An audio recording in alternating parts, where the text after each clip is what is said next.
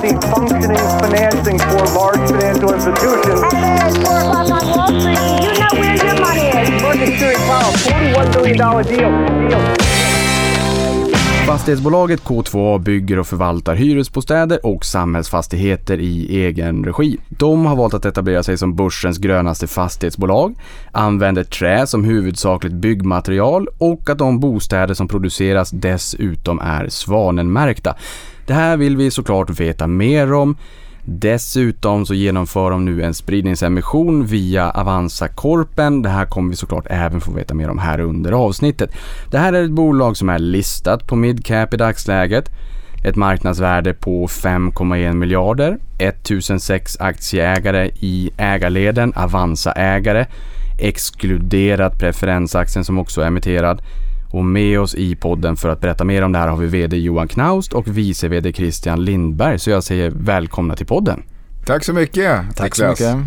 Riktigt kul att ha er här. Jag tycker vi gör som så här, vi börjar från början, presentera er själva lite grann. Om vi börjar med dig Johan, vem är Johan? Ja, hej, det här är Johan Knaust som är en av grundarna och VD till K2A. Christian? Christian Lindberg heter jag. Jag är vice VD och för detta CFO på K2A och började där 2017. Perfekt. Jag tycker vi gör som så här, då går vi in rakt in på K2A. Det är fastigheter som är temat för det här avsnittet. Berätta mer om K2A och vad ni gör för någonting.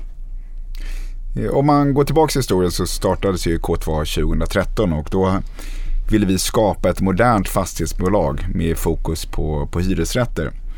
Och redan då så var det en stor brist på eh, hyresrätter runt omkring i Sverige och vi såg att det fanns en möjlighet att skapa ett eget boendekoncept utifrån vad, vad kunden faktiskt vill ha för någonting.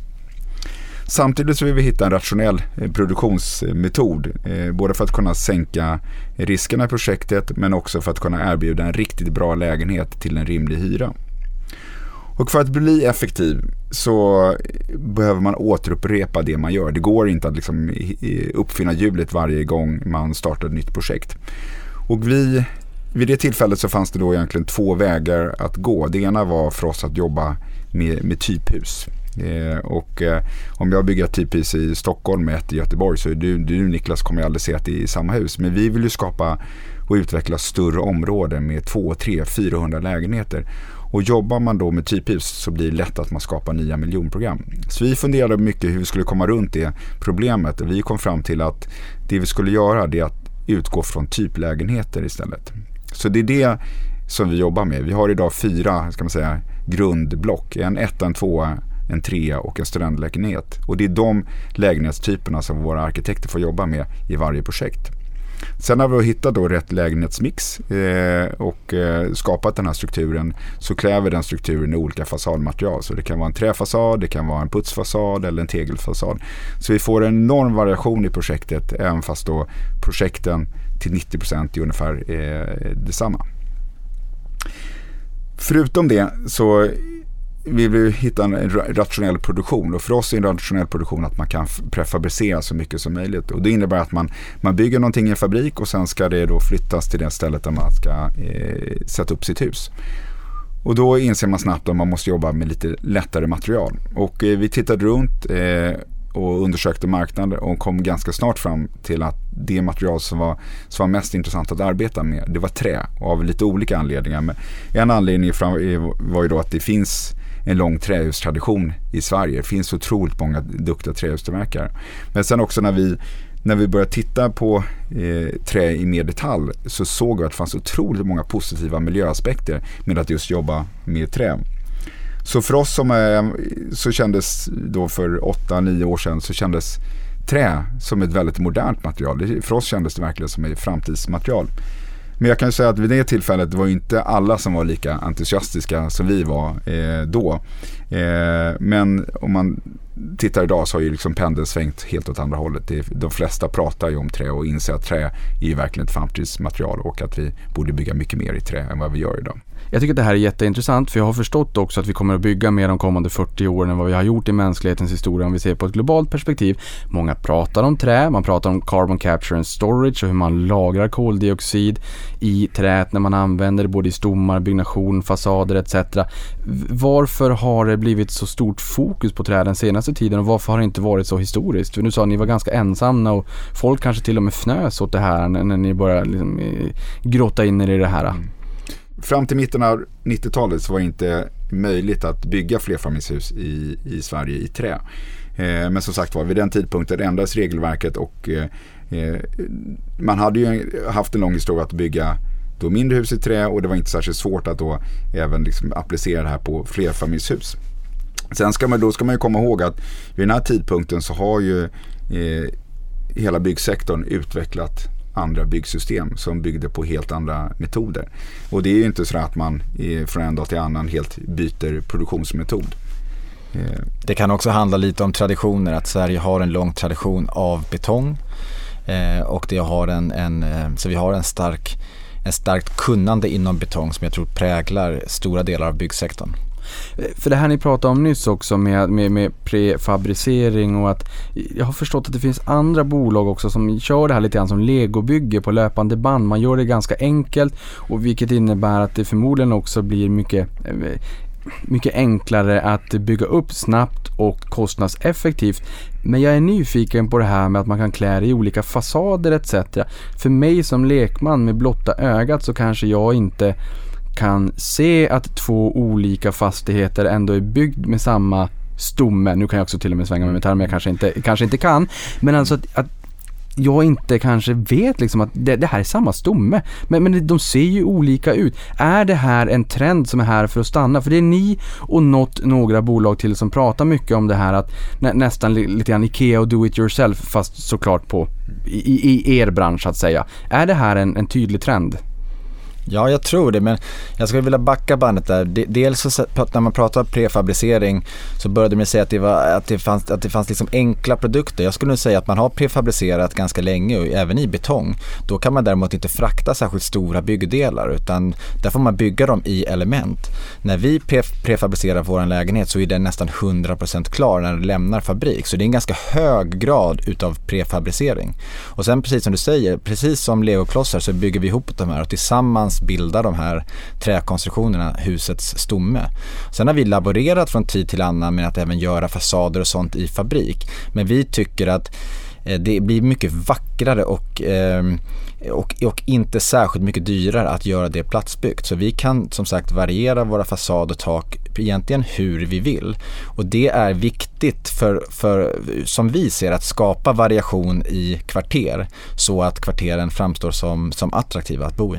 Jo, för det jag kan tänka mig ändå som lyssnare på det här att man känner att offrar ni den, den här liksom variationen, den här rikedomen av olika utsmyckning, olika fasader etc. Och det förstår man, det gör ni ju faktiskt inte även Även om det är så att det är stommen som är i ganska hög grad prefabricerad så, så kommer inte det på bekostnad av hur man kan göra de här eh, fastigheterna unika i, liksom för blotta ögat då? Nej, det är helt riktigt och vi skulle nog kunna dra det ett varv till och göra det ännu mer standardiserat just på priset utav utsmyckning. Men vi är ju en aktör som inte nödvändigtvis, vi har inte en billig produkt som vi kommer till marknaden med. Vi tävlar med den bästa produkten med hög standard och det genomsyrar även hur husen ska upplevas utifrån. Så att just ha den här variationen är viktigt eh, och det är eh, det är viktigt för, för kvarteret hur det ska upplevas. Sen, sen tycker jag också det är viktigt att komma ihåg att eh, eh K2, vi jobbar ju från, från ax till limpa. Vi jobbar med att eh, ta fram våra egna boendekoncept. Vi har produktion i egna fabriker och sen eh, uthyrning och förvaltning. Så vi, vi bygger ju för egen förvaltning och gör du det så då, har du, då tänker du på ett annat sätt du kan göra andra val i din produktion. Därför vi behöver liksom inte optimera under resans gång utan vi optimerar över 25-50 år. Ja, här kan jag ju tänka mig också att det, det, det inte blir så mycket merkostnader heller i produktionen för att ni, ni och de som bygger åt er är ju då ganska vana när, när de bygger liknande hela tiden så att säga när det är det här prefabricerade de här modellerna som ni själva har tagit fram och som ni säger ni äger hela värdekedjan. Vi kommer att komma in mer på det. Innan det, vad betyder K2? Det, är, det var nämligen så att vi var tre personer som startade K2 och eh, det var två personer som hette Knaust och en som hette Andersson. Så det blev K, 2K och ett A helt enkelt. När den här podden spelas in så befinner vi oss i maj 2021 och många på fastighetsmarknaden vittnar ändå om att det är en ganska het temperatur där ute just nu kanske inte kontor i, innanför tullarna i Stockholm men Sverige är ju mycket mycket, mycket större än så. Det kommer vi in på också när vi grottar ner oss i er geografiska mix. Vad är er bild av nuläget på fastighetsmarknaden? Det är en stark marknad, en stark transaktionsmarknad och vi ser också en bostadsproduktion som kommer igång. Det har ju byggts ganska mycket de, de senaste eh, åtta åren, även om det kom en knäck då när bostadsrättstillverkarna eh, fick, fick vissa problem. Eh, men precis som du är inne på, den stora skillnaden från förr är att det är ett mycket större fokus på vilken typ av fastigheter som efterfrågas. Så min bedömning är att vi, det är en ganska stor skillnad på, på det som investerarna vill ha. Det är väldigt efterfrågat och så finns det då en del tillgångar där, där vi inte ser särskilt många transaktioner på. Det är säkerligen för att köparna och säljarna har svårt att, att mötas. Men, och, och det man, man, kan lägga till till det, om man går tillbaka till när vi, när vi startade bolaget och vi, man pratar om det här gapet mellan utbud och efterfrågan. Så även fast vi har, det har byggts väldigt mycket under de här sista åren så är det fortfarande ett lika stort gap kvar mellan utbud och efterfrågan. Ja, det får vi väl ändå mm. säga att om vi backar bak till 2017 när det kanske pikade för bostadsutvecklarna innan det var lite tuffare tider så hade vi ju faktiskt också en period med ett flertal ganska opportunistiska aktörer i marknaden. Det var ju lite speciellt. Men eh, innan vi kommer vidare på det, ni utvecklar ju hyresbostäder och samhällsfastigheter för egen förvaltning, alltså då inga bostadsrätter, det var ju det jag kommenterade här nyss. Vilket av de här områdena är störst för er, alltså hyresbostäder kontra samhällsfastigheter? Det är, det är hyresfastigheter och hyresbostäder. Sen eh, pratar vi mycket om någonting som vi kallar 24 timmars kvarter. Att, eh, I större områden försöker vi få en mix av, och då är det alltid otroligt intressant att kunna få in kanske en förskola eller få in ett eh, gruppboende eller liknande. Eh, och de här verksamheterna gör ju att det finns, eller att det blir mer liv och rörelse under dygnet än om man bara har rena eh, hyresrätter. Ja, för jag tänker att det här är väl också ett krav givet att man har ett visst antal bostäder, att det finns den här typen också av samhällsfastigheter. Det ska klart att finnas en förskola, för det är jobbigt på morgonen, man är nog stressad även om man är ganska nära till förskolan. Mm. Är ni en naturlig tagare där om det är så att det är ett, ett visst område i en kommun som håller på att byggas ut och förstå att det är ju många olika Eh, konkurrenter, kollegor i branschen som kanske bygger på de här på ett och samma område. Men är ni ganska mycket naturlig tagare i och med att ni också har då kompetensen för samhällsfastigheter? Absolut, och för oss är det jätteviktigt att det, den här eh, servicen finns i de områden där vi, eh, där vi bygger flerfamiljshus av den anledningen kanske då också, just som du sa här, de här levande områdena, där det blir som, vilket också blir mer attraktivt Exakt. för de som bor hos er. Hur ser den geografiska mix ut då? Jag har noterat att ni finns ända upp i Kiruna i norr och mm. ända ner i Lund i söder. Berätta mer, vart, vart hittar vi er i vårt avlånga land? Det är egentligen ganska enkelt att förklara. Vi är i Sveriges 25 största kommuner. Eh, vi är i de kommuner där det är störst tillväxt. Eh, och det innefattar ju då självklart eh, Stockholm, Mälardalen och eh, de stora universitetsorterna. De 25 största orterna, vad krävs för att ni ska etablera er på en ny ort? Känner ni er ganska nöjda med de 25 största eller hur tänker ni här långsiktigt? För oss så ser jag att på många av de här delmarknaderna så, så där, där har vi inte kommit upp i den, den, den, den volymen som vi önskar. För oss är det viktigt att komma upp någonstans i ja, 700 till 1000 lägenheter för att kunna få en ordentlig egenförvaltning lokalt. Det här är jag väldigt nyfiken på. Många fastighetsbolag pratar ofta om kluster och att man vill bygga de här klustren, den här volymen som du är inne på här, att det är upp till tusen bostäder. För jag menar, Kiruna ner till Lund, mm. Sverige långt.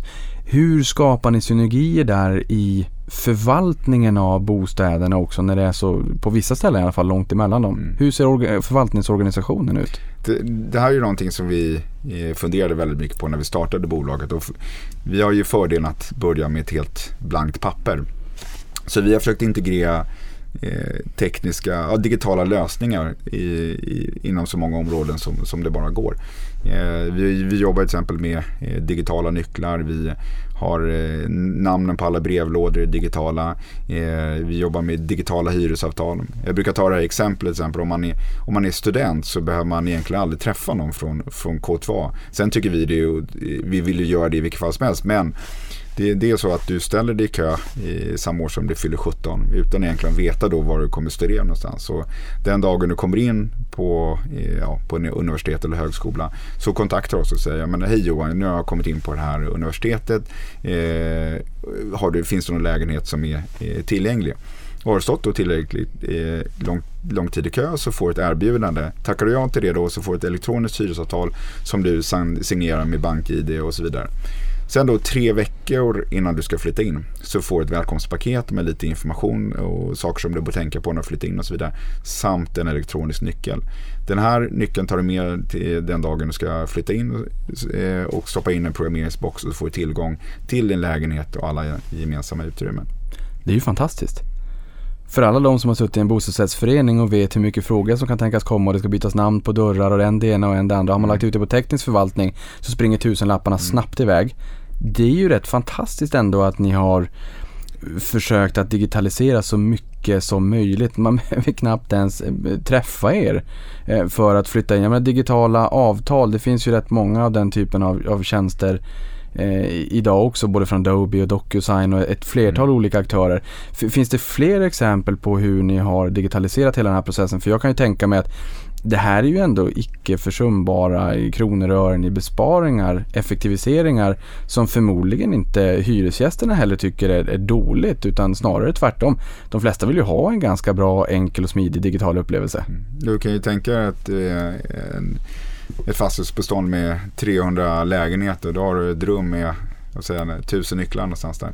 Eh, ett annat, ett annat sån här eh, klassiskt område är det besiktningar vid inflyttning och avflyttningar. Om man går tillbaka till hur det funkade eh, historiskt så var det så att man gick med ett eh, uppkopierat formulär och så kryssade man i och sen när man kom tillbaka till sitt, ja, sin, sin förvaltarplats så loggade man in på systemet och så ja, överförde man det här protokollet på, till någon liksom, digitalt system och så vidare så som vi jobbar till exempel, vi, våra eh, bovärdar de använder liksom, eh, ja, eh, plattor eller telefoner och där är helt elektroniska ehm, eh, formulär. Och sen är det någonting, ett problem som har uppstått till exempel, då tar man bara fram sin eh, telefon, fotar av det och så bifogar bilderna till, till formuläret. Och, sen när man då har en diskussion med sin hyres, eh, hyresgäst i samband med avflyttning och sådär så är det enkelt att kunna visa, men vet du vad, det här, det här fanns inte när du flyttade in utan den här skadan har, har, du, eh, eh, har uppstått under din tid som du har bott där. Ett annat exempel som inte nödvändigtvis är kopplat till digitalisering är ändå att vi, vi, har, vi är ju nyfikna på ny teknik. Vi har en egen, ett eget bilpoolskoncept där vi har elbilar som vi också på vissa ställen testar med att vi har solceller på taken och kan lagra energi i alltså klassiska Tesla-batterier och sedan använda den elen till att ladda våra elbilar. Och det är också ett sätt att, att kunna erbjuda eh, transporter, vilket är en viktig fråga idag. Eh, men att också göra det på ett hållbart sätt. Och där har vi också satt en liksom väldigt, eh, en väldigt generös timtaxa. Så att eh, sist vi kollade så var det billigare att hyra våran elbil än att hyra en, en Voi på Stockholms gator. Mm. det låter bra för jag är lite nyfiken på vem som är er primära målgrupp. Alltså hur en typisk K2A-bostad ser ut och hur man märker att det är ni som är fastighetsägare, både nu den här digitala upplevelsen, solcellerna kanske man inte märker så, men bilpoolen, billigare än en Voi på Stockholms gator. På, på vilket vilket mer sätt märker man av att det är ni som är ägare? Om man tittar på hur hushållen fördelar sig i Sverige så är ungefär 70% består av en och två personer. Och det är för den marknaden som vi framförallt bygger våra eh, lägenheter. Det vi också insåg från början det är att det som är viktigt för, för våra kunder det är att det får att, liksom ett, ett, bra boende, bra läge, hög standard till liksom en rimlig månadskostnad. Och ett sätt att skapa det, det är att jobba med ytan på, på, på ett bättre sätt. Så vi har, vi har redan sedan start varit otroligt yteffektiva men inte gjort avkall på någonting. Och eh, det har inneburit att vi, vi kan ha en, en rimlig månadskostnad. Och jag tror också att man kan fylla i där att eh, de hyresgästerna som hyr en hyresrätt, det är svårt att se eh, liksom en, en, en enhetlig bild av hur de ser ut. Utan de, de är ju av, av alla möjliga eh, typer. Men just eh, eh, studenter, det är ju däremot en mer homogen kundgrupp som egentligen har samma typer av behov. Det är ju oftast då singelhushåll, det är kanske sin första bostad. Eh, man, man, eh, det, det, det, de har i stort sett samla, sam, samma preferenser. så där kan man väl se mer mer likheter inom studentbostadsdelen. Mm. Jag tycker också när man går, om man går tillbaks i tiden så för, ja, i samband med att vi startade så såg man, tyckte många såg hyresrätten som en enklare produkt. Men eh, jag skulle säga att de, de kunder som vi har, de vill, de vill ha sin egna diskmaskin, de vill ha sin egna tvättmaskin och så vidare. Ja det är helt mm. klart. Studenter idag vill absolut ha, kunna tvätta själv och laga egen mat och kunna förvara det utan att egentligen behöva engagera sig i, i tvister i korridoren. Mm. Eh, men det är svårt att säga exakt vad som, hur man sticker ut och, eh, eh på, på hyresbostadssidan. Men K2 står ju väldigt mycket för, för hög kvalitet och det hållbara och det långsiktiga. Så det är kanske inte sånt som hyresgästen eh, kan se att det står K2 överallt men det är i alla fall kännetecken som, som, som vi tar, håller högt. Mm. Under de senaste 20 åren så anger ni att befolkningsmängden i Sverige har ökat med en och en halv miljon personer samtidigt som SCB och Tillväxtverket prognostiserar en fortsatt snabb befolkningstillväxt under de kommande 20 åren. Men hur många föredrar hyresbostäder kontra bostadsrätt eller andra boendeformer? Nu förstår jag vi har långa bostadsköer så att det kanske är ett icke-problem för er. Men liksom, vart blåser eh, vindarna? Bostadsmarknaden har stigit mycket i pris. Eh, man kanske inte vill lägga en allt större del av plånboken på bostaden än vad man kanske redan gör idag. Jag kan tänka mig att fler kanske väljer hyresbostäder. Ja, det är en bra fråga och tittar man i andra europeiska städer så är det ju mer vanligt att hyra sin bostad för att man helt enkelt inte kan ha råd att köpa en lägenhet. Kanske har vi en sådan trend i, i, i Sverige också, att hyresrätten kommer bli ett naturligare alternativ på en mera eh, flexibel bostadsmarknad. Det är också ett mer, jag ska säga, till viss del ett mer bekymmersfritt boende. Du slipper ju fundera på hur, hur går bostadsmarknaden, hur är ränteutvecklingen och har du problem med någonting i din bostad, till exempel att eh, tvättmaskinen går sönder och så vidare. Du, du, du ringer ju så får du hjälp inom i princip samma dag. Alla som bor i en villa eller en bostadsrätt vet ju hur lång tid det tar att få en leverans av en tvättmaskin och man vet att man måste vara hemma hela dagen för att ta emot den där leveransen och så vidare. Så det, på tal om hyresbostäder som utgör den all, absolut största delen av ert bestånd, hyresbostäder, samhällsfastigheter. Vad är viktigt att känna till när det kommer till hyresbostäder såsom eh, hyresreglering eller vi har ju bostadsutvecklare på börsen också. Men de utvecklar ju och säljer. Eh, jag tror det är kanske ingen som utvecklar bostadsrätter, bostadsrättsföreningar som sen sitter på dem egen balansräkning. Men, men vad är skillnaden på att äga och förvalta hyresbostäder, hyresfastigheter kontra andra typer av fastighetsbestånd? Vad, vad är viktigt att känna till som investerare? Det som är viktigt att, att ta med sig det är det här eh, det långsiktiga perspektivet på saker och ting. Då gör man helt andra val. Eh, om du tänker en utvecklare som utvecklar för att sälja. Den ska ju optimera vid försäljningstidpunkten. Men det gör ju inte vi. Så vi kan ju göra helt andra val när det kommer till vilken standard vi ska ha i våra bostäder. Eh, hur mycket vi ska lägga på utomhusmiljö och så vidare. och så vidare. Ja det är ju rätt intressant när du, när du pratar om vilka standarder ni ska välja. det är ju ni som kommer att få renovera det här i slutändan ändå när det har gått 25 år eller vad det kan tänkas vara. Så att it bites Precis. you mm. ifall det är så att ni väljer mm. genvägen idag då. Ja men det är ju en bra poäng. Men vad finns det annat för, för liksom, vad är de största riskerna? Hur stor är vakansrisken? I de allra flesta, jag menar, de 25 största kommunerna i Sverige, eh, i de flesta så är det ju ganska långa köer. Vad, vad, vi, vi, liksom, vilka är de största riskerna? För det är ju uppenbarligen inte efterfrågan på bostäder. Jag tror att det är kanske att möta hyresgästernas preferenser i större utsträckning.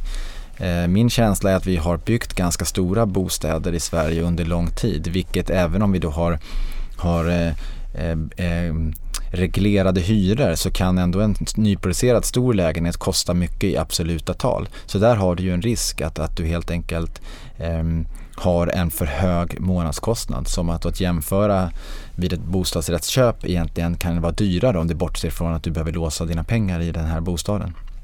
Så jag tycker att det är viktigt när man eh, tittar på hyresrätter och tillverkande bolag hur, hur tänker bolagen kring storlekar och hyror i absoluta tal. Vi tycker att vi har rimliga hyror och har en bra standard till det och det kommer vara viktiga konkurrensfördelar i en tuffare, i en tuffare omgivning.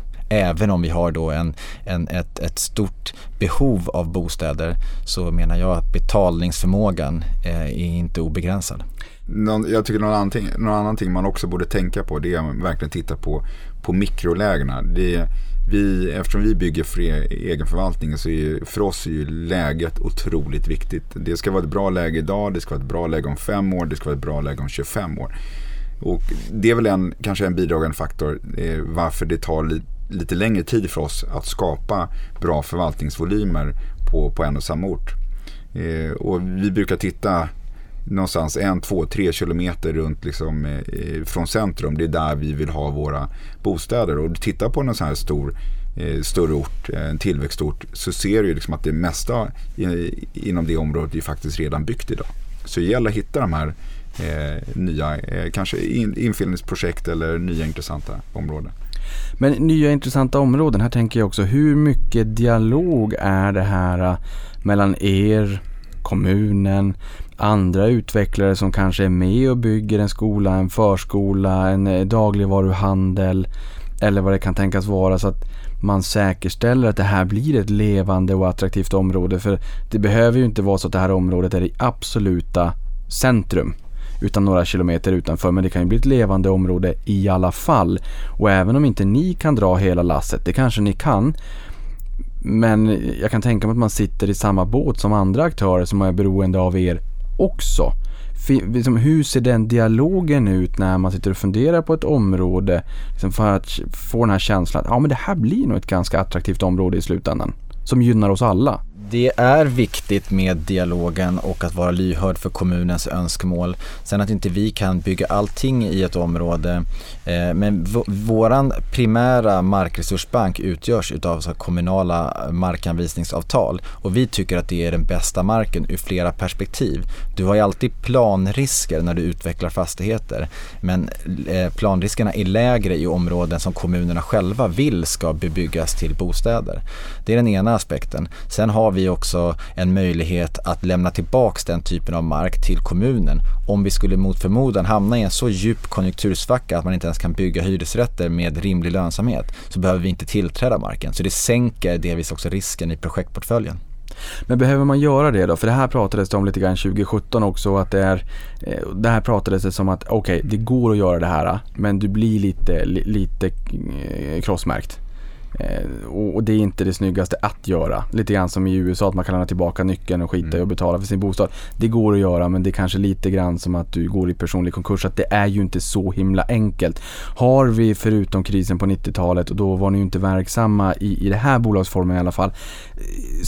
Liksom, finns det fog att tro att det skulle kunna gå så himla långt att inte ens hyresbostäder skulle vara eh, liksom, eh, attraktivt det är inte frågan om hyresbostäder skulle vara attraktivt eller inte. Utan jag tror mer det är en fråga om om kapitalmarknaden skulle funka eller inte. Eh, funkar inte kapitalmarknaden så är det ingen som kan dra igång några nya projekt. Och I en sån situation så kan det ändå, en, då är ju en kommunal markanvisning någonting bättre. Än, eh, därför då har du möjlighet att i så fall avstå från att bygga. Och det tror jag alla skulle ha förståelse för i en sån situation. Vi såg ju i fjol eh, en väldigt, väldigt jobbig situation på, eh, på kapitalmarknaden, på mm. obligationsmarknaden när den frös till is. Mm. Eh, och, vilket var väldigt jobbigt för väldigt många bolag men vi tog ju oss ur det ändå. Mm. Nu kan jag tänka mig att ni i större utsträckning kanske förlitar er på bankfinansiering än obligationsmarknaden. Men hur, hur såg fjolåret ut för er? För att ta ett år som ändå var Eh, någorlunda tufft. Förra året för oss var, var ett, eh, ett jättebra år. Jag tror att det, eh, ja, mycket handlar om planering och hur, hur, du planerar din likviditet för året. Vi har, det, ni som läser våra rapporter ser att vi, eh, vi, vi, jobbar jättemycket med den frågan och i, i många situationer är vi överkapitaliserade. Men det är just för att vi ska kunna vara uthålliga. Att det blir som det blev nu ett avbrott på på kapitalmarknaden så vi kan fortsätta vår verksamhet eh, och sen får, kan vi vänta tills nästa marknaden kommer igång igen. Ni har världens första gröna aktie. Mm. Vad innebär det? Som sagt, vi var, vi var först i världen med att eh, få vår aktie klassad som grön. Och för oss är det ett sätt att eh, vi, kunna visa på eh, transparent sätt hur vår verksamhet påverkar klimatet. Och det som vi har gjort, vi har tittat på eh, våra intäktsströmmar och vi har tittat på våra investeringar. Så har vi klassificerat intäktsströmmarna och våra investeringar efter en sexgradig skala som går från mörkbrunt till mörkgrönt där då mörkgrönt är det, det bästa typen av eh, investering som man kan göra. Det här rapporterar vi nu sedan förra året på varje kvartal. Precis som vi levererar alla andra nyckeltal så levererar vi, vi de här siffrorna så som eh, utomstående part så är det väldigt lätt att följa vad som händer i vårt bolag. Hur stor del av våra intäkter är gröna? Hur stor del av våra investeringar är gröna? Och det ökar, därmed ökar ju förklaringsvärdet ifall vi gör någonting som inte, som inte är grönt. Och det man kan tillåtas göra icke-gröna investeringar ibland om man ser att det här är någonting som är kanske brunt idag men genom att vi ändrar plan eller vi gör tilläggsinvesteringar så kan vi lyfta det här till, till en grön nyans. Men i och med att ni var också då världens första aktör att, i, att få er eh, aktie att klassificeras som en grön aktie. Har det här rönt något intresse där ute? Absolut, I, i samband med att vi gjorde det här så fick vi eh, första två veckorna ska jag säga, vi var eh, när, nerringda både av rådgivare, konkurrenter, bolag från andra sektorer och så vidare som ville få reda på vad har vi gjort för någonting. Och eh, man kan säga att det här påminner ju väldigt mycket om de här eh, ramverken för, för exempel gröna obligationer som har funnits under väldigt, väldigt lång tid. Så många känner igen sig i det här och förstår, förstår de här eh, frågorna. Ja, för det är ju det här som är intressant. Jag menar, som du är in på här, eh, gröna obligationer, grön finansiering, det har vi ändå haft ett antal år. Men just grön aktie är ju någonting nytt får man väl ändå säga. Ni var först ut på det. EUs taxonomi kommer med full kraft. Det är också någonting ni eh, pratar om i er redovisning mm. också redan idag. Man kan säga så här också, man ska tillägga, för de som känner till Eh, e EU-taxonomin så kan man säga att det här är också en spegling av EU-taxonomin e fast det här blir eh, man får liksom en annan, man tittar på ungefär samma saker men man får en annan dimension därför EU-taxonomin är väldigt svartvit. Och skillnaden är att du kan ju också vara en, eh, du kan ju till exempel vara en, en väldigt miljöovänlig aktör och ändå ge ut en grön obligation. Säg att du ska bygga ett vindkraftverk eller någonting och skräddarsy den här investeringen till det. Det den gröna aktien och ger en bild av det är ju egentligen hela din verksamhet. Var kommer dina intäkter ifrån? Hur ser dina investeringar ut för hela företaget och inte bara din, din skräddarsydda investering?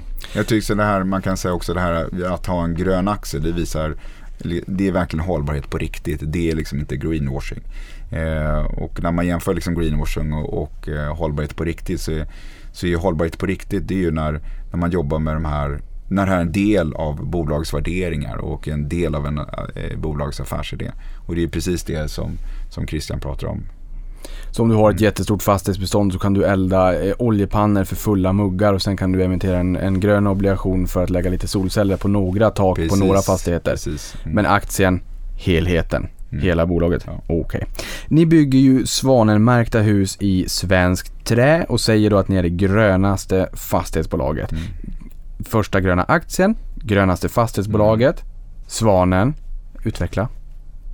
Vad innebär det att, ut, att bygga svanenmärkta hus?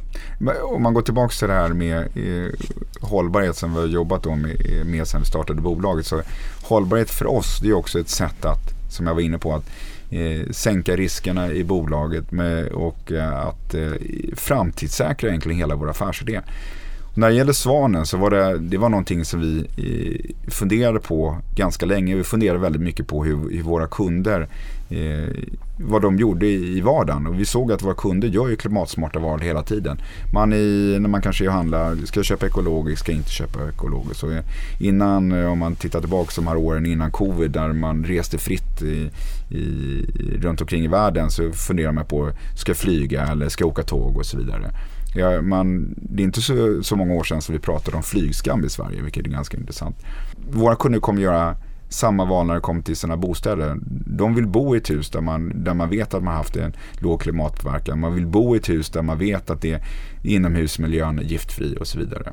Så det, det är ett sätt att eh, helt enkelt framtidssäkra eh, att, och se till att våra kunder kommer vilja bo hos oss framöver. Och när du pratar om flyg också kommer in på transport så kan vi också notera, vilket ni var in på den här bilpoolen, är ju såklart elbilar. Mm. Ni pratade om, om batterierna här också som ni använder i bilpoolen. Eh, ni är ju verksamma i hela, i alla delar av värdekedjan. Vad innebär det rent konkret? Det innebär konkret att vi då har tagit fram ett, eh, ett boendekoncept som vi har implementerat i hela vår verksamhet med våra fyra baslägenheter och vårt standardiserade, standardiserade tänk. Vi hittar mark själva genom eh, eh djupa kontakter med, med kommuner och andra fastighetsägare.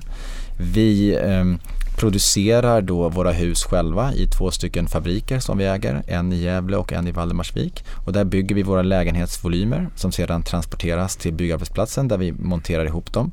När de är klara så förvaltar vi dem med ambitionen att ha egen lokal förvaltning, det vill säga eget anställda förvaltare. Och här har ni ju valt att eh, bygga dem i återvinningsbart trä i volymsystem i de här egna fabrikerna, två till antalet som du var in på här. Vad är fördelen? med många pratar ju fabless och att man lägger ut det här medan vissa andra menar på liksom värdet och styrkan i att, att äga hela värdekedjan och kunna styr, detaljstyra såklart för att optimera processen. Vad är fördelen med att ni har egna fabriker? Jag tror att att vara en fastighetsägare och att vara en byggare är delvis två helt olika saker. Eh, för, för vår del så är det en styrka som, eftersom vi befinner oss i en, i en stark expansion. Att vi kan ha kontroll över vår expansion. Vi kan bygga själva och vi är inte styrda av hur eh, andra eh, byggares eh, beläggning ser ut. Så att när man lyssnar på det här avsnittet och funderar kring ja, men fastighetsbolaget K2, byggaren K2. Ni har en bit över 3100 färdigställda bostäder i dagsläget. Mål om 10 000 bostäder till 2025. Ni är ju mer av en byggare, projektör än förvaltande fastighetsbolag just nu när den här podden spelas in med ambition om ett mycket större bestånd i framtiden. Kanske, men ändå så är våran, våran största del av balansräkningen är förvaltningsfastigheter redan idag.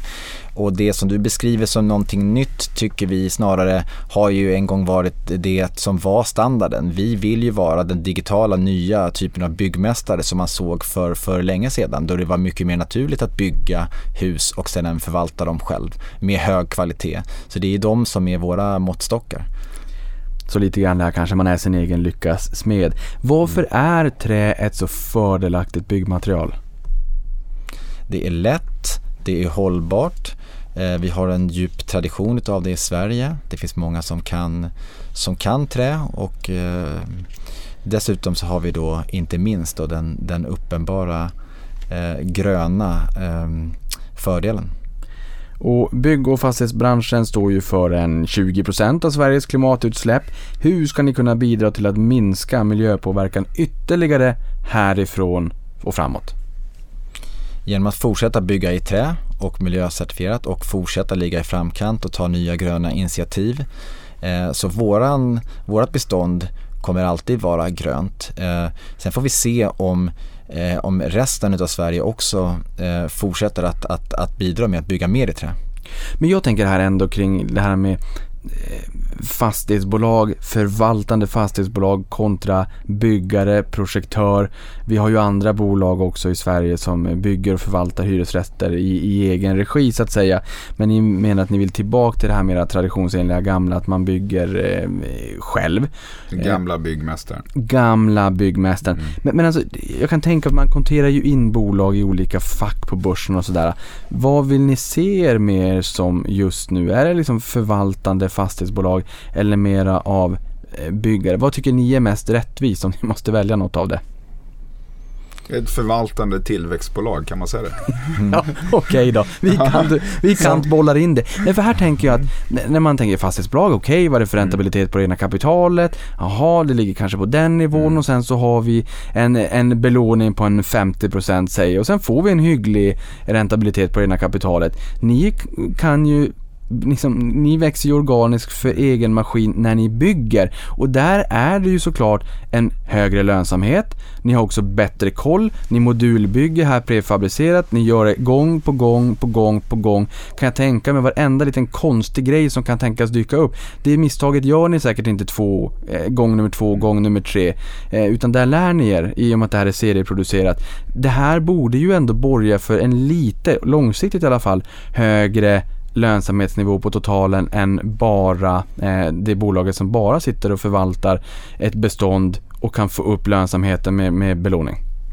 Ja, men du har ju helt rätt i det. Det är klart att våran projektutveckling och våran, eh, att vi färdigställer bostäder och adderar till våran förvaltningsportfölj, är, det, är där, det driver stora värdeförändringar som kommer genom fastighetsutveckling. Men precis som du är inne på och tar upp så är det ju, eh, det, det blir nästan antingen är man en fastighetsägare och förvaltare eller så är du ett byggbolag. Och vi vill ju argumentera för att så som vi bygger med vårt koncept, det vill säga saker som vi, ting som vi är bekväma med, vi standardiserar, vi, vi repeterar, vi bygger tre till fem våningar. Det är väsentligt lägre eh, utvecklingsrisker kopplat till att bygga höga skyskrapor.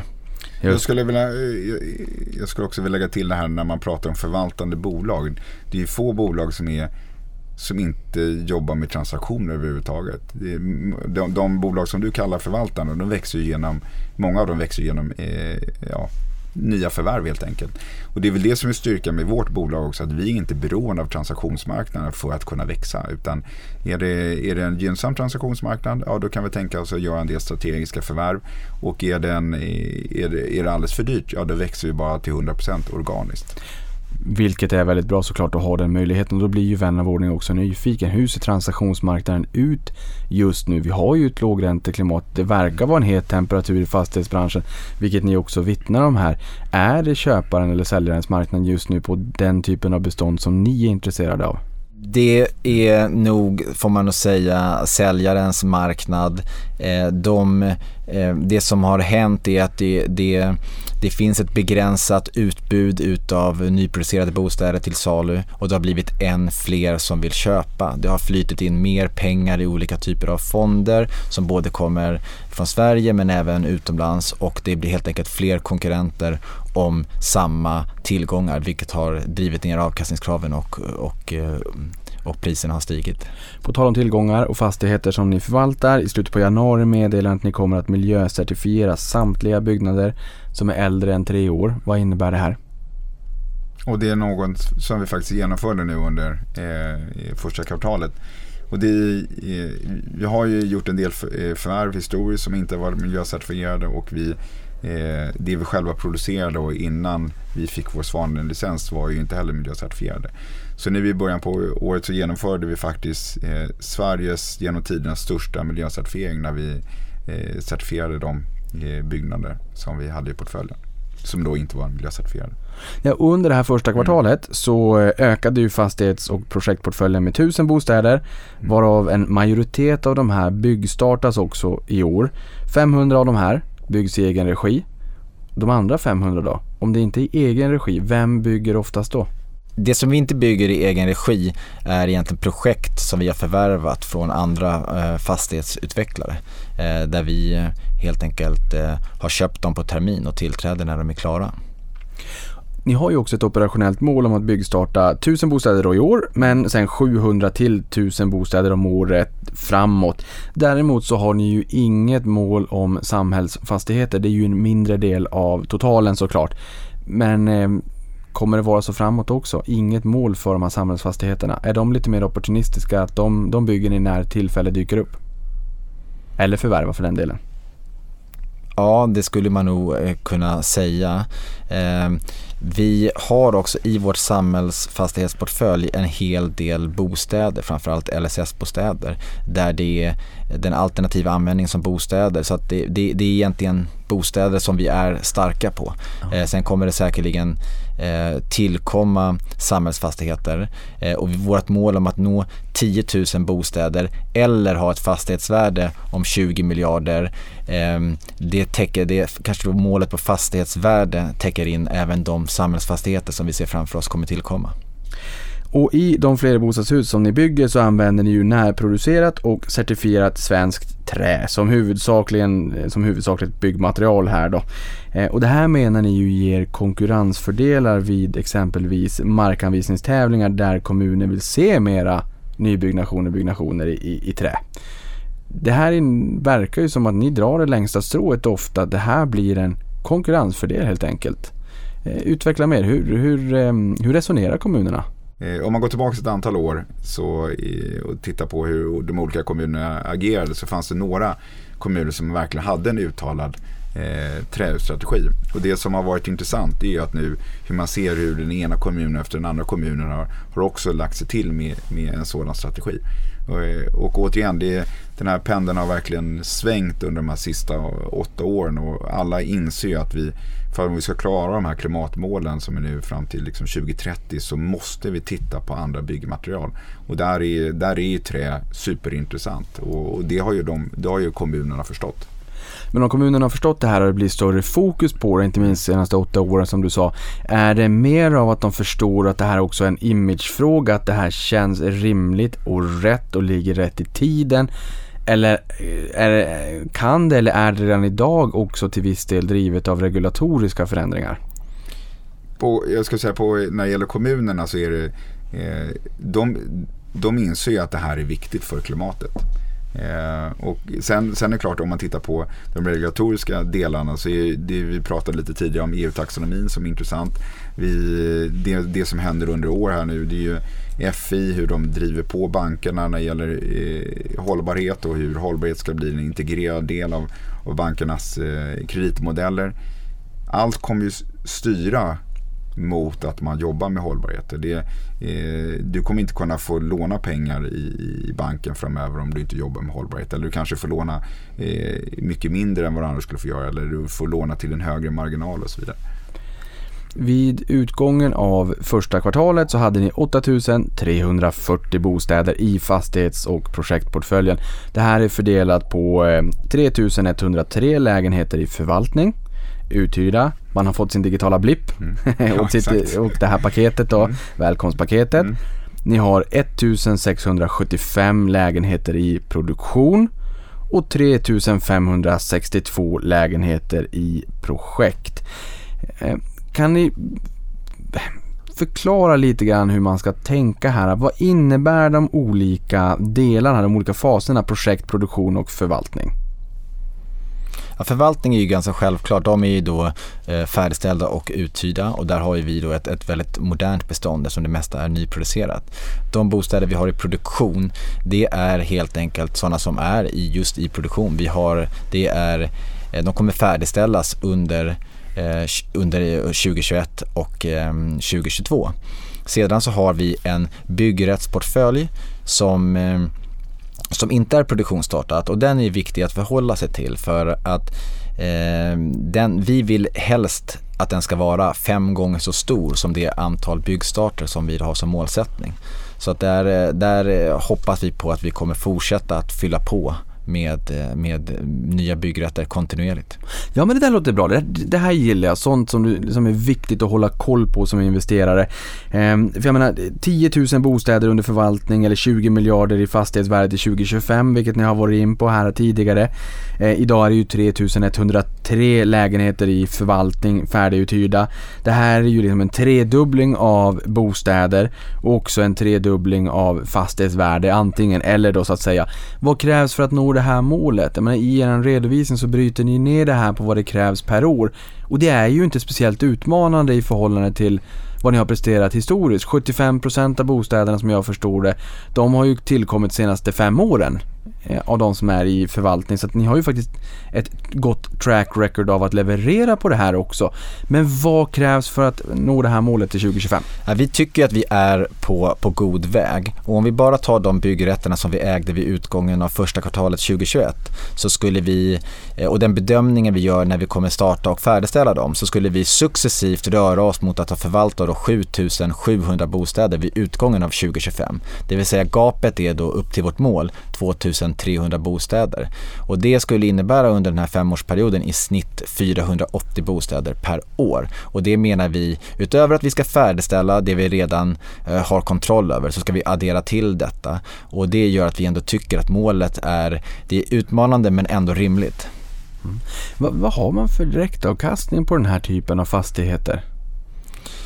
Eh, Direktavkastningskravet som det värderas till i snitt för portföljen ligger på 4 eh, Det som du kanske frågar efter är väl yield on cost eller den byggyielden som man har. Och den redovisar vi inte men den hänger ju givetvis ihop med direktavkastningskravet. Att om, eh, om fastighetsvärdena stiger så stiger även då kostnaden för byggrätter eftersom det är derivat av vad fastigheterna är värda vilket då innebär att eh, produktionskostnaderna ökar. Och när du har eh, man, reglerade hyror så har du då ett konstant driftsöverskott vilket innebär att de sagt att när gilderna faller så faller även det här måttet och on cost.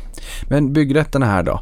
För det är klart, ni sa ju här att antingen så kan ni ju köpa och beroende på om du köper eller säljerens marknad och ni kan ju alltid alternera och bygga i egen regi om det är för dyrt att köpa på transaktionsmarknaden. Men då har vi de här byggrätterna också. Eh, hur ser den marknaden ut i dagsläget då? Är det liksom hyggliga prislappar att det går att hitta fina värden där också? För att vi har ju förstått att det är viktigt att ha det här eh, orderingången om man får kalla det så för att låna ett begrepp från verkstad kanske. Eh, liksom, köper ni mycket sånt nu? Är, det liksom bra prislappar? Får ni en bra e-, ekonomi i det hela? Byggrättspriserna har stigit eh, i, eh, med viss eftersläpning, eh, eftersläpning efter fastighetsvärdena. Och det som du är inne på är ju kanske den största inträdesbarriären till hyresrättsmarknaden. Att om du vill, bli, om du vill bygga ett stort hyresbostad eh, hyresbostadsbestånd med en rimlig avkastning så måste du kunna anskaffa mark på ett, till, till rimliga nivåer. Och du kan inte köpa vad som helst till vilka priser som helst. Så det är en, eh, hela tiden en avvägning. Som sagt, det bästa sättet att hitta mark som vi ser det är att jobba med de här kommunala markanvisningsavtalen. Eh, ibland köper vi mark också men då är det eh, nästan uteslutande i marknader där vi ser att eh, fastighetsvärdena kommer också röra sig uppåt så att du kommer egentligen ha eh, samma eller till och med högre eh, avkastning på din investering eh, givet att vi bedömer att, mark- att värdena kommer fortsätta stiga. Och hur lång tid tar det från ax till limpa? Från den här idén till projekt, projektfasen till färdig och uthyrd eh, bostad under förvaltning? Utmaningarna i tidplanen ligger alltid på planeringssidan och på, egentligen på plansidan. Att få detaljplanen redo eh, och att få igenom bygglovet. Så den är, den är alltid osäker. Men från det att vi väl byggstartar så bygger vi relativt fort och egentligen utan några större avbrott. Eh, och ett exempel på det eh, har vi vårt projekt Parasollet i Lund där vi byggde 120 Eh, studentbostäder. Och där kan man säga att det där var grunden klar i, i, i mars-april och eh, alla 120 bostäderna var redo för inflytt i, ja, i slutet av året. Så i början av januari vid terminsstarten så flyttade de eh, studenterna in. Vi var ju in lite grann på det här tidigare också med ett eh, levande område vilket gynnar alla. Och jag menar, när ni bygger hyresbostäder så utgår jag från att det finns så utgår jag från att det finns en viss andel kommersiella lokaler i eh, fastigheterna också. Kanske ett bageri eller en kiosk eller någonting annat. Hur stor del av intäkterna kommer från kommersiella hyresgäster om det finns några? Väldigt lite. Eh, det, det, om man då vill, det som vi skulle klassa som kommersiellt då, är då framförallt det är förskola och kanske eh, LSS-boende i och för sig som vi klassar som bostäder och så vidare. Och sen i, det är klart det är fantastiskt när man får möjlighet att inkorporera till exempel ett bageri som vi har nere i Haninge. Eh, det blir liksom en samlingspunkt för, för hela området. Och just i Haninge så är, vi vet att det finns de som åker både 15 och 20 minuter för att ta sig till det här lilla bageriet. Så det, men precis som Johan är inne på, det är, en, det är en mindre andel om man bortser från samhällsfastigheterna. Och vi ser inte att vi kommer eh, bygga liksom rena kommersiella lokaler och, och hyra ut. Nej, men som du säger, jag kan tänka mig att är, man, man åker de här 15 minuterna, man vet hur, hur gott det är med nybakt bröd på morgonen. Det, det, luktar gott, jag hade säkert också åkt den där kvarten. Eh, på, på tal om det här målet om eh, 10 000 bostäder, det innehåller ju förmodligen både projektering i egen regi och kanske förvärv av befintligt bestånd. Då. Samtidigt så har ni ju höga hållbarhetskrav på era fastigheter. Liksom hållbarhet genomsyrar ju hela K2A har man ju nu förstått. Hur ser balansen ut här? Alltså, vad krävs vid ett förvärv av ett befintligt bestånd för att det ska passera ert nålsöga och för att ni ska tycka att det når upp till kraven på hållbarhet som ni har eller att det finns en potential att ni liksom klassar det här i, i efterhand så att ni kan förädla det så att det håller de måtten som, som ni vill se. Vi ställer ju samma krav på, eh, på nyproduktion eh, som vi förvärvar som vi gör på det som vi bygger själva. Och, eh, i, och, när det kommer då till i de fall där vi har köpt någonting som är begagnat. Och då är, när vi tittar på sådant projekt så är det viktigt att för oss att förstå hur lyfter vi det här då från den nivån det är idag till den nivån där vi vill vara. Senaste kvartalet så pratade ni lite grann om negativ påverkan från eh, fördyrade insatsvaror och minskad efterfrågan på studentbostäder på grund av högre distansundervisning. Jag tror alla vi har sett att det har i Suezkanalen med Evergreen, de var fast, det kanske var lite byggmaterial där. Vi har sett jänkarna dammsuga marknaden, lite problem med, med, med skog och trävaror i Kanada. Jänkarna dammsuger, det mesta har gått upp 15, 20, 30, 40, 50 procent. Eh, inte gips har jag förstått mm. förvisso. För, i, för er del så säger ni att det här ändå har haft en viss påverkan, så även distansundervisningen, men det är ju förhoppningsvis övergående. Mm. Hur mycket ska man läsa in i det här?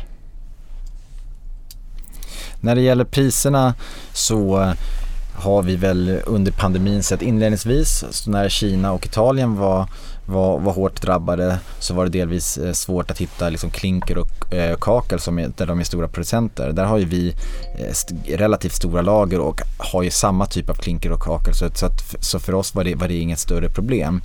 Det vi har sett den sista tiden är just att vissa insatsvaror både har ökat i pris och det finns en större efterfrågan av dem som till exempel trä men även stål och vissa andra spånprodukter det man ska komma ihåg är att eh, för K2A på det sättet som vi producerar så är den största kostnaden egentligen arbetskrafterna i fabriken. Så även om insatsvarorna stiger så får det en, en, en, mindre påverkan än man, kanske, än man kanske tror när man läser de här rubrikerna. Ja men det är bra, det är bra input. Hur skiljer sig marknaden idag då i förhållande till när ni drog igång och startade det här bolaget 2013? Vad har hänt på de här åren? Om man går tillbaka till 2013 så det var ju, de flesta utvecklarna vill ju utveckla för att sälja. Det var inte så många som ville göra på det sätt som vi gjorde. Eh, men där återigen, det, där är ju många som har tagit efter oss och eh, om du tittar på de flesta eh, utvecklare idag så har de, vill de ju behålla det de utvecklar på ett eller annat sätt. Och hur ser er marknadsposition ut idag då och vart vill ni befinna er? Alltså vilken position i marknaden strävar ni efter? för oss, vi vill, eh, och det har ju varit med oss sen vi startade bolaget, vi ser oss själva som, som det, den moderna byggmästaren. Och, och, det är någonting som vi vill, vill fortsätta och, och förädla. Det andra är ju som du har nämnt själv, det är det här att i, Eh, behålla den här eh, positionen vi har när det, gäller, när det kommer till hållbarhet. Eh, och där vi ska vara liksom det självklara bolaget när, när det kommer till eh, hållbarhet. Kommer ni att expandera utanför Sveriges gränser eller kommer ni att hålla er eh, här på hemmaplan? Det där är, återigen, vi går tillbaka till det vi har pratat om så många gånger. Det finns fortfarande ett enormt liksom, eh, gap mellan utbud och efterfrågan. Eh, jag har svårt att se när det här gapet ska vara, vara tilltäppt. Så, eh, om vi fortsätter att bygga 1000 lägenheter, 1500, 2000 lägenheter per år. Det kommer finnas mycket att göra över en lång, lång tid framöver i Sverige. Mycket att göra under lång, lång tid i Sverige. Eh, då tänker jag mig såklart att det här borde ju attrahera många aktörer också. Vilka är era huvudsakliga konkurrenter och vilka är det ni möter där ute på fältet när ni är ute och spanar på markanvisningar? Det beror på eh, marknad. Det är klart att i Stockholm Mälardalen så är det eh, enorm konkurrens. Eh, I regionstäderna så är, så är det något mindre. Och i regionstäderna finns det många lokala starka eh, fastighetsbolag med en lång, lång historia. Och eh, som sagt var i Stockholmstrakten så är det klart att det, det är alla de stora byggbolagen skulle jag säga. Hur ser en kapital och räntebindning ut i, idag då? Vad kan ni göra för att pressa finansieringskostnaderna ytterligare? Och vad ligger de på? Idag har vi eh, en snittränta på 2,39 procent eh, och eh, vi har eh, en räntebindning på omkring 31 månader och det, vi får en del frågor kring räntebindning och kapitalbindning idag. Eh, det man ska komma ihåg är att vi har en stor andel så kallade byggkreditiv som är korta till sin karaktär. Det vill säga det är korta banklån som vi använder medan vi bygger. De är alltid rörliga och de är alltid korta. Så länge vi har en stor del av det på skuldsidan så kommer det påverka räntebindningen ehm, och, och göra den då kortare än vad den, vad den kanske är.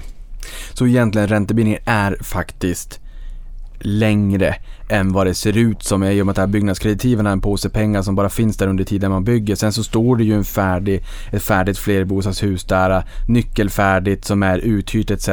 Ja, men det här är kanske anledningen till varför man behöver lite justerade nyckeltal ibland. Eh, visst, det, är ju helt korrekt kanske med de här 31 månaderna då. Men, men som du är inne på, där kanske man också får tänka bort byggnadskreditiven då. Ja, det är ju svårt när vi, när vi inte ger den informationen. Så precis, räntebindningen är vad den är, 31 månader. Men den påverkas utav de här alternativen. Och för de, för de, för de långfristiga banklånen så, så är den längre. Och där har vi också eh, väsentligt lägre marginaler på den typen av finansiering.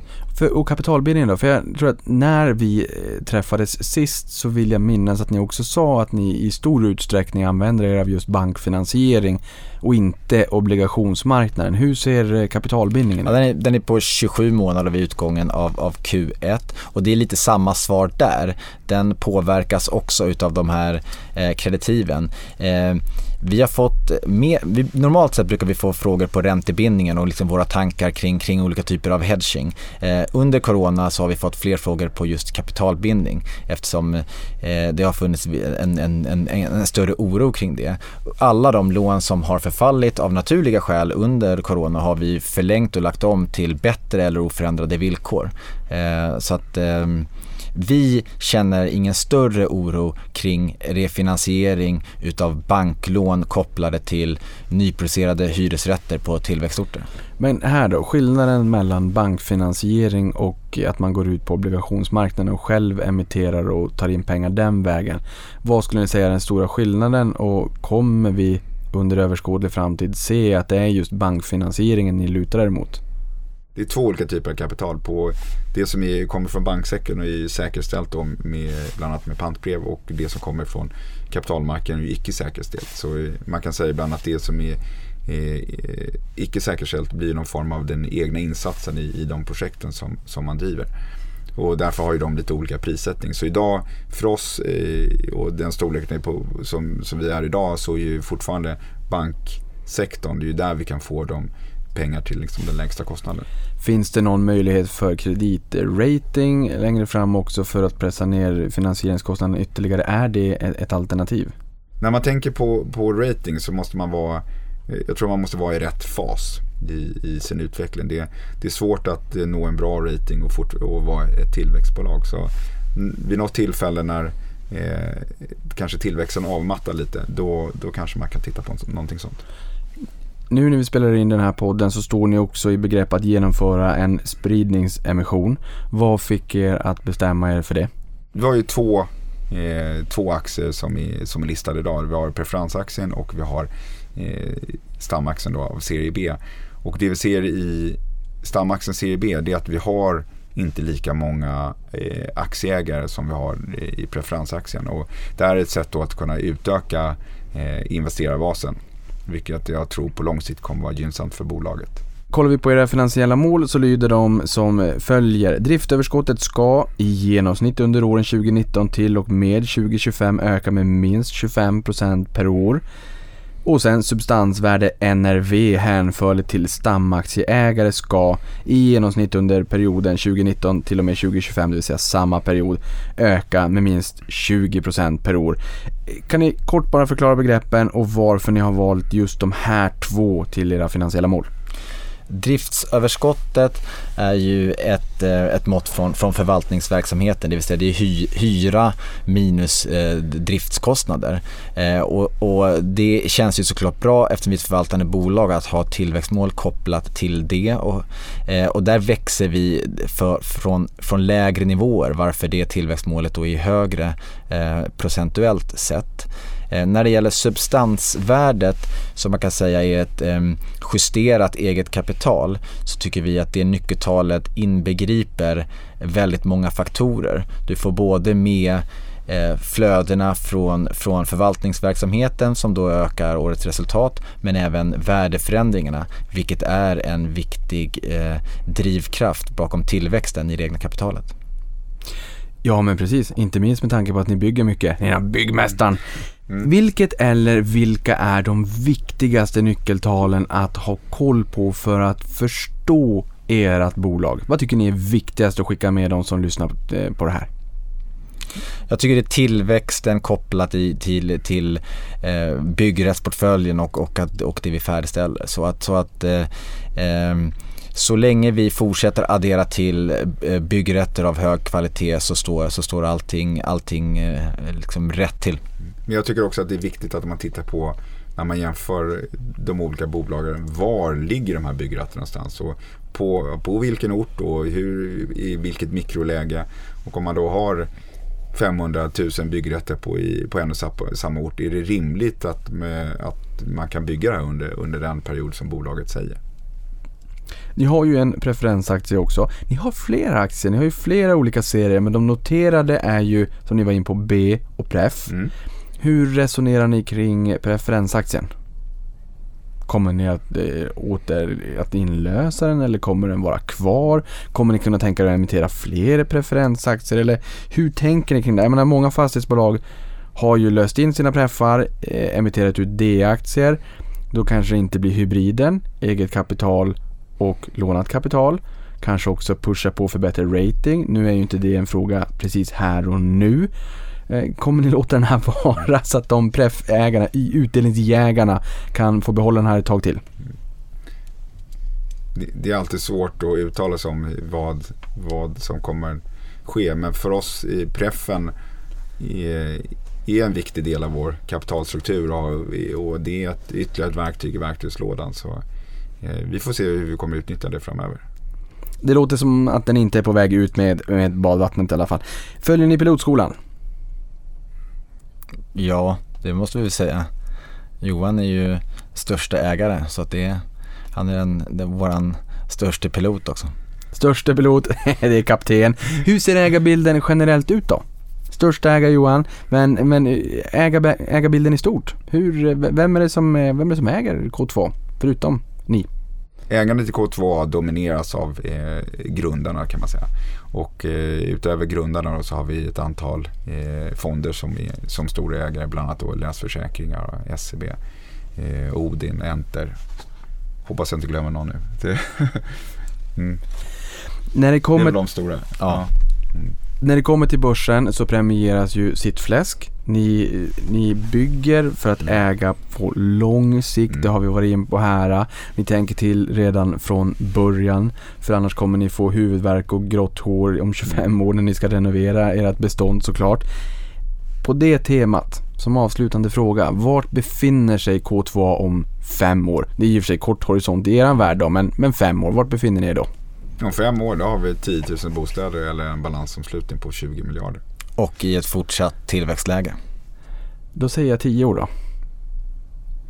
I och med att ni har målen till 2025. Jag gjorde det lite för enkelt för er.